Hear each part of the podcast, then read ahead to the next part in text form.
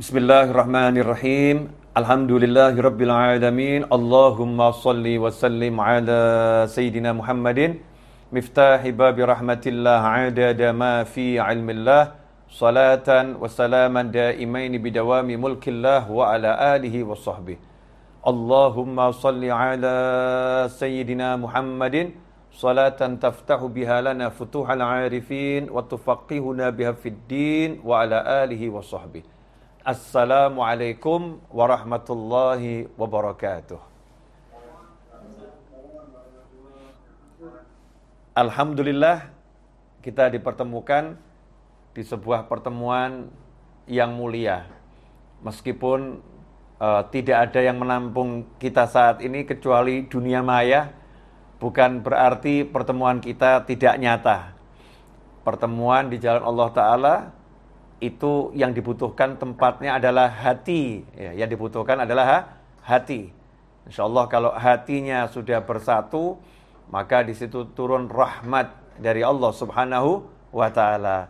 Mudah-mudahan pertemuan kita kali ini betul-betul bisa mendatangkan rahmat khususnya untuk diri kita pribadi dan teruntuk seluruh umat Nabi Muhammad SAW khususnya untuk bangsa yang kita cintai berpikir positif di segala kondisi, berpikir positif di segala situasi.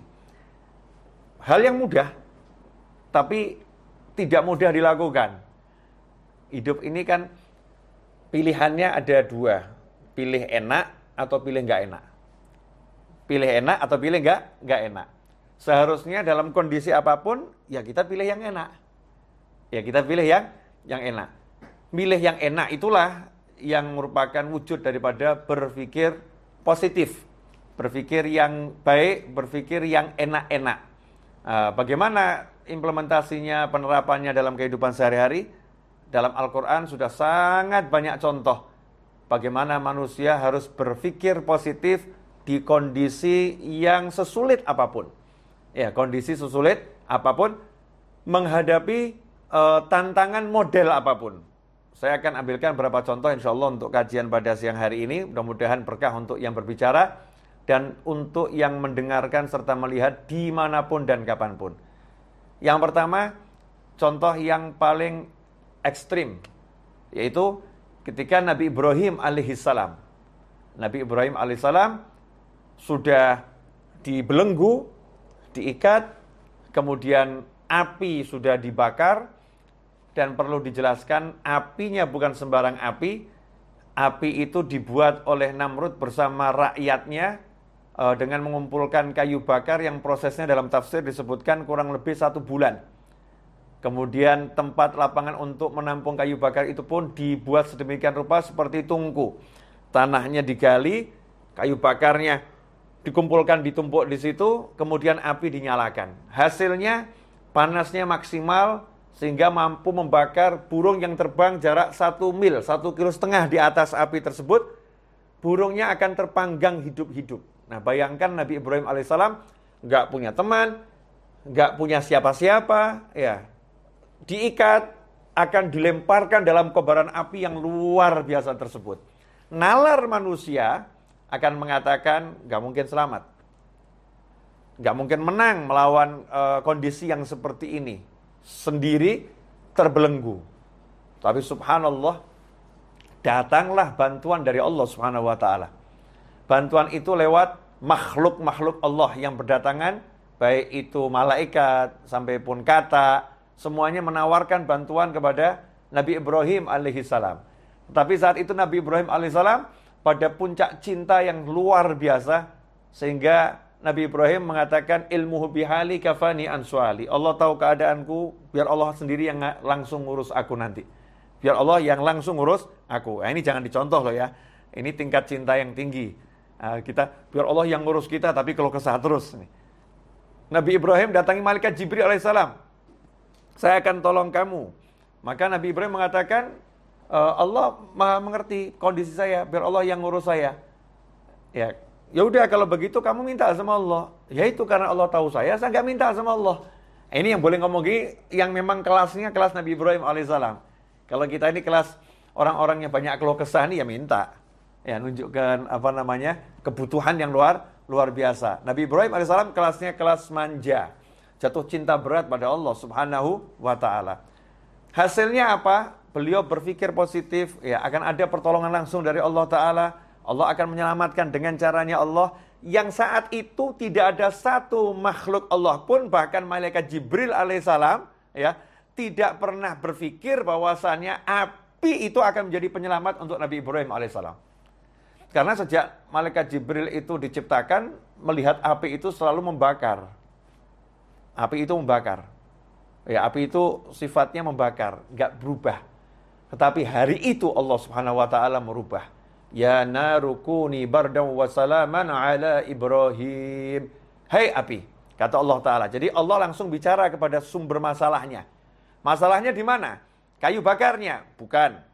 Masalahnya di mana saat itu? Namrudnya? Bukan. Ini masalah yang paling urgent saat itu adalah api ini akan membakar Nabi Ibrahim, Nabi Ibrahim alaihissalam maka nggak perlu dicarikan pemadam kebakaran, nggak perlu dicarikan apa namanya tim untuk memadamkan, tapi langsung apinya diajak bicara oleh Allah Taala, diperintah oleh Allah Subhanahu Wa Taala.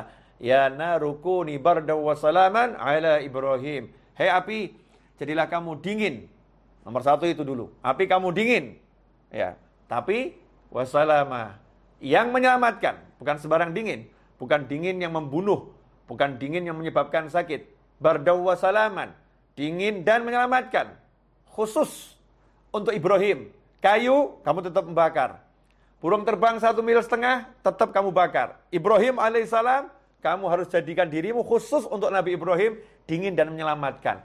Bagaimana api itu dalam dalam uh, apa namanya satu satu kejadian menyentuh tubuh Nabi Ibrahim menjadi dingin dan menyelamatkan, menyentuh kayu di sekitarnya, membakar dan menghancurkan. Ini kuasa Allah subhanahu wa ta'ala. Ikhwani rahimakumullah, kita nggak bahas masalah kuasanya Allah, tapi kita bahas bagaimana pola pikir Nabi Ibrahim alaihissalam yang selalu uh, optimis, berpikir positif di kondisi yang seberat itu. Kemudian kita uh, beralih pada Nabi Musa alaihissalam. Nabi Musa alaihissalam ketika dihadapkan kejaran Fir'aun dan bala tentaranya yang luar biasa. Dan di hadapannya ada laut yang yang ganas, yang ombaknya dahsyat dan di sekitarnya ada kaumnya yang protes, ya kaumnya yang resah, kaumnya yang gelisah. Bagaimana ini? Di sana ada laut, di sana ada Fir'aun dan bala tentaranya. Nasib kita bagaimana? Hei Musa bagaimana? Nabi Musa alaihissalam dengan santai mengatakan, Kalla inna ma'ya rabbi sayahdin. Kalla, gak mungkin kita akan celaka. Gak mungkin Fir'aun mampu mencederai, mencelakai kita. Gak mungkin laut mampu menenggelamkan kita. Inna ya rabbi sayahdin. Karena Allah bersamaku sayahdin. Nanti Allah akan beri aku petunjuk. Saat ngomong begitu Nabi Musa nggak punya solusi. nggak punya solusi. Tapi punya keyakinan. Punya pikiran yang positif. Pasti Allah akan berikan jalan keluar. Pasti Allah akan berikan solusi. Hasilnya Allah berikan solusi yang di luar nalar. Seperti api tadi di luar nalar, maka solusinya juga di luar nalar. Apa ini? Masalahnya kalau lewat terus ada laut. Kapal nggak punya. Ini orang-orang nggak ahli renang, hidupnya di padang Sahara, nggak pernah belajar berenang. Ya, senjata nggak ada. Mau ngelawan Fir'aun dan bala tentara, ini konyol. Nggak punya apa-apa ini. Mau terjun ke laut juga sama konyol. Terus bagaimana? Allah Ta'ala jadikan lautnya itu jalan keluar. Allah Ta'ala jadikan lautnya itu solusi. Caranya bagaimana? Hei Musa, pukulkan tongkatmu itu ke laut. Kayu, biasa. Tapi di tangan orang yang beriman pada Allah Ta'ala, maka Allah perintahkan kepada laut ketika kena pukulan kayu, wahai laut, membelahlah engkau menjadi dua bagian. Subhanallah, begitu kena pukulan kayu, maka laut itu membelah menjadi tebing yang luar biasa. Nabi Musa dan kaumnya melewati tebing air laut yang luar biasa tanpa rasa takut, la khaufun alaihim walahum yahzanun. Allah turunkan kepada mereka rasa tenang, nyaman, berjalan. Padahal ini gemuruh air luar biasa dibendung oleh Allah Subhanahu wa taala. Jalan melewati sampai ke tepian, kemudian Firaun dan bala tentaranya menyusul, Allah kemudian tenggelamkan uh, laut itu kembali seperti semula sehingga Firaun dan bala tentaranya tenggelam. Lagi-lagi berpikir positif di saat yang mustahil mendapatkan solusi itu dilakukan oleh Nabi Musa alaihi salam. Kemudian uh, kita melihat Nabi Yakub alaihissalam. Nabi Yakub alaihissalam yang udah dikasih tahu bahwasanya Nabi Yusuf alaihissalam sudah dibunuh oleh serigala, diterkam oleh serigala. Ini darahnya, ini pakaiannya. Nabi Yakub mengatakan nanti ya putraku akan dikembalikan semua kepadaku. Selalu yakin kalau Nabi Yusuf masih masih hidup. Jasadnya nggak ada, aku nggak ketemukan jasadnya. Berpikir positif, Nabi Yusuf masih hidup. Tentunya dilandasi dengan ilmu dari Allah Subhanahu wa Ta'ala. Hasilnya apa? Hasilnya betul dipertemukan dengan putranya Nabi Yusuf alaihissalam bahkan sudah menjadi seorang perdana menteri terpercaya di kerajaan Mesir yang punya kedudukan tinggi dan dicintai oleh masyarakat Mesir. Orang tuanya pun dimuliakan oleh Nabi Yusuf alaihissalam, keluarganya pun dimuliakan oleh Nabi Yusuf alaihissalam setelah perjalanan panjang yang dibuang ke sumur, dijual sebagai budak, masuk ke penjara, akhirnya menjadi seorang yang luar luar biasa. Lagi-lagi Nabi Yusuf berpikir positif, ayahnya berpikir positif. Kemudian kalau kita lihat uh, kepada Nabi uh, Ismail alaihi salam beserta ibunya dan Nabi Ibrahim alaihissalam ketika bersama keluarganya saat Allah Subhanahu wa taala memerintahkan Nabi Ibrahim untuk membawa istri dan anaknya untuk pindah uh, memindahkan istri dan anaknya ini ke suatu dataran rendah yang nggak ada manusia ataupun binatang yang hidup di sana yang panasnya tinggi nggak ada air yang adanya cuma padang pasir dan gunung bebatuan. Maka saat itu Nabi Ibrahim alaihissalam meninggalkan istri dan anaknya dengan pikiran positif yang luar biasa. Sementara sang istri yang ditinggal pun pikirannya positifnya luar biasa. Mengatakan pada suaminya, kalau Allah yang memerintahkan kamu untuk meninggalkan kami di sini, maka pulanglah dengan tenang, dengan nyaman, lanjutkan perjalananmu. Maka suaminya pulang ke istri yang lain, ya. Sementara istrinya bersama anak di padang Sahara yang mematikan saat itu, Nabi Ibrahim pun naik ke atas gunung, kemudian melihat ke arah istri dan anaknya,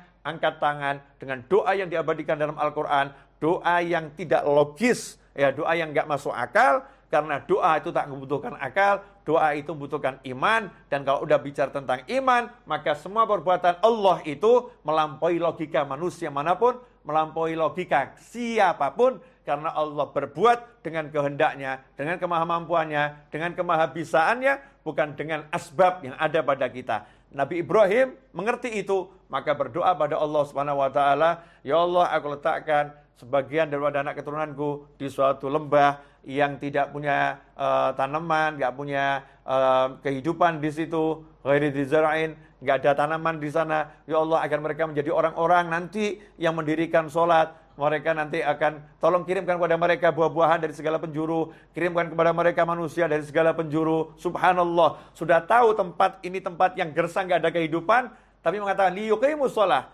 agar nanti muncul manusia-manusia yang mendirikan sholat dari anak keturunan gue ini. Nabi Ibrahim meyakini Nabi Ismail nanti akan berkeluarga. Nabi Ismail akan punya anak. Nabi Ismail akan punya cucu sampai akhirnya punya cucu namanya Nabi Muhammad sallallahu alaihi wasallam itu adalah husnudzon, prasangka baik, positive thinking yang dimiliki oleh Nabi Ibrahim alaihissalam sehingga bisa menghasilkan kehidupan di kota Mekah yang tadinya padang Sahara sampai menjadi kota yang luar luar biasa. Begitu pula istri Nabi uh, Ibrahim, ibu Nabi Ismail alaihi alaihi salam. Ya, bagaimana ketika ditinggal oleh suaminya kemudian berdua dengan anaknya. Saat itu sang anak menangis karena bekal telah habis. Air yang diminum gak ada, makanan gak ada bayi yang usianya baru dua tahun ini menangis, kurang lebih dua tahun menangis sejadi-jadinya. Maka sang ibu pun tidak berpikir negatif, berpikir positif. Cari tempat yang tinggi, dan tempat yang tinggi adalah Bukit Sofa dan Bukit Marwah. Kenapa cari tempat yang tinggi? Untuk melihat sekitar, ada nggak manusia yang bisa dimintai pertolongan. Siapa tahu ada musafir yang lewat, yang bisa dimintai pertolongan. Maka lari ke Bukit Sofa, sofa lihat di sekitar nggak ada, pindah ke Bukit Marwah, lihat sekitar nggak ada, lari ke sofa lagi, berulang kali sofa dan Marwah dengan positive thinking, Allah akan memberikan solusi untuk masalah saya ini. Subhanallah, karena minta solusinya dari Allah Subhanahu wa taala, maka Allah berikan solusi, solusi itu di kaki bayi Ismail alaihi salam yang menjejak-jejakkan kaki ke bumi, tiba-tiba memuncrat air yang keras yang luar biasa yang akhirnya menjadi air Zam-Zam hingga hari ini dan sampai hari hari kiamat air itu akan menjadi sumber kehidupan umat manusia. Ini karena positive thinking dari ibunya Nabi uh, Ismail alaihi salam. Kemudian kita lihat Nabi Ismail alaihi salam ketika akan disembelih, ya perintah menyembelih Nabi Ismail alaihissalam dengan santai dan positive thinking mengatakan kepada ayahnya kondisi yang seperti itu, ya batif al matukmar, wahai ayahku lakukan yang diperintahkan kepadamu. Saya jadi ini insya Allah minus sabirin. Insya Allah engkau akan dapati aku termasuk orang-orang yang yang sabar menghadapi masalah ini. Apa yang terjadi? Allah Taala jadikan leher Nabi Ismail tidak bisa disentuh oleh pisau, ya pisau yang tajam nggak bisa menyentuh leher Nabi Ismail. Leher itu menjadi seperti baja yang luar biasa. Kemudian Allah katakan pada Nabi Ibrahim alaihissalam, engkau telah melaksanakan arti mimpimu, maka sekarang kami datangkan domba dari dari surga sebagai ganti untuk Nabi Ismail alaihissalam. Maka saat itulah diganti domba yang disembelih Nabi Ismail pun selamat karena positive thinking dari ayah, positive thinking dari anak menghasilkan sesuatu yang luar luar biasa. Ikhwani rahimakumullah. Kalau kita dihadapi satu masalah, kemudian kita itu uh, menyerah dengan masalah, berarti kita seperti manusia yang nggak punya Tuhan. Manusia nggak punya Allah subhanahu wa ta'ala. Jangan pernah menyerah menghadapi kehidupan model apa pun dan model bagaimanapun. Karena yang kuasai hidup ini bukan makhluk. Yang kuasai hidup ini bukan bukan ciptaan. Tapi hidup ini dikuasai oleh yang maha mencipta, yaitu Allah subhanahu wa ta'ala. Semuanya adalah makhluk Allah, dan semuanya adalah ciptaan Allah Ta'ala. Maka apa pun kondisinya, apa pun masalahnya, kita berpikir positif, Allah akan berikan solusi. Allah akan berikan jalan keluar. Bagaimana caranya? Allah telah menjelaskan, "Wa wa min la yahtasib." Siapa yang bertakwa pada Allah, "Wa may yattaqillaha yaj'al lahu makhraja." Allah akan selalu memberikan solusi. Allah akan selalu memberikan jalan keluar. Wa min la yahtasib. Bahkan Allah menambahin, bukan cuma solusi jalan keluar. Dan Allah akan senantiasa selalu terus menerus memberikan rezeki dari arah yang nggak pernah dia nalar, dari arah yang nggak pernah bisa dia perhitungkan, dari arah yang nggak pernah pernah dia sangka. Rezeki Allah sifatnya surprise untuk dia, surprise untuk dia, kejutan yang menyenangkan untuknya. Karena apa? Karena takwa pada Allah Ta'ala, melaksanakan perintah Allah, menjauhi larangan Allah. Itulah cara agar kita bisa berpikir positif Ya, berpikir positif artinya apa pun masalahnya, kita jadikan takwa sebagai kendaraan. Takwa sebagai sumber solusi dari langit. Takwa sebagai sumber pertolongan dari Allah subhanahu wa ta'ala. Sayangnya, saat ada masalah, justru kita mengandalkan yang namanya makhluk, makhluk, makhluk, makhluk. Dan kita lupa pada sang khalik, yaitu Allah ta'ala. Kita jauh dari yang namanya ketaatan. Kita justru uh, larut dalam dalam keluh kesah dalam hal-hal yang gak diridhoi oleh Allah Subhanahu wa taala. Ikhwani rahimakumullah. Nah, ini sekarang kita dalam hidup. Dalam hidup tuh kondisinya apa pun kan pilihannya selalu ada pilihan enak. Contoh, dipecat dari kantor. Ngapain mikir hidupku berantakan? Kan bisa mikir, wah saya mau dikasih lapangan pekerjaan yang lebih bagus. Allah akan beri saya cara kerja yang lebih enak, yang lebih nyaman. Allah akan jadikan rezeki saya lebih banyak karena di kantor ini kelihatannya nggak cukup untuk gaji saya ini. Eh, tidak mampu gaji saya lebih besar nih. Saya akan dikasih gaji yang lebih besar. Caranya gimana? Wallahu a'lam. Allah yang tahu. Yang penting saya mau mau usaha, saya mau tingkatkan takwa saya pada Allah Subhanahu wa taala. Berpikir yang positif. Apa pun itu, itu bisa dilakukan kok. Tapi kenapa kok kita nggak mau mikir yang positif? Mikirnya nggak enak, nggak enak, nggak enak. Padahal pikiranmu adalah doamu. Pikiranmu adalah doamu. Ana inda dhanni 'abdi bi bima sya. Kata Allah Taala dalam hadis qudsi, ana inda dhanni 'abdi bi. Aku tergantung apa yang difikirkan hambaku, prasangka hambaku. Karena itu terserah dia mau nyangka apa tentang aku. Dia mau berpikir apa tentang aku.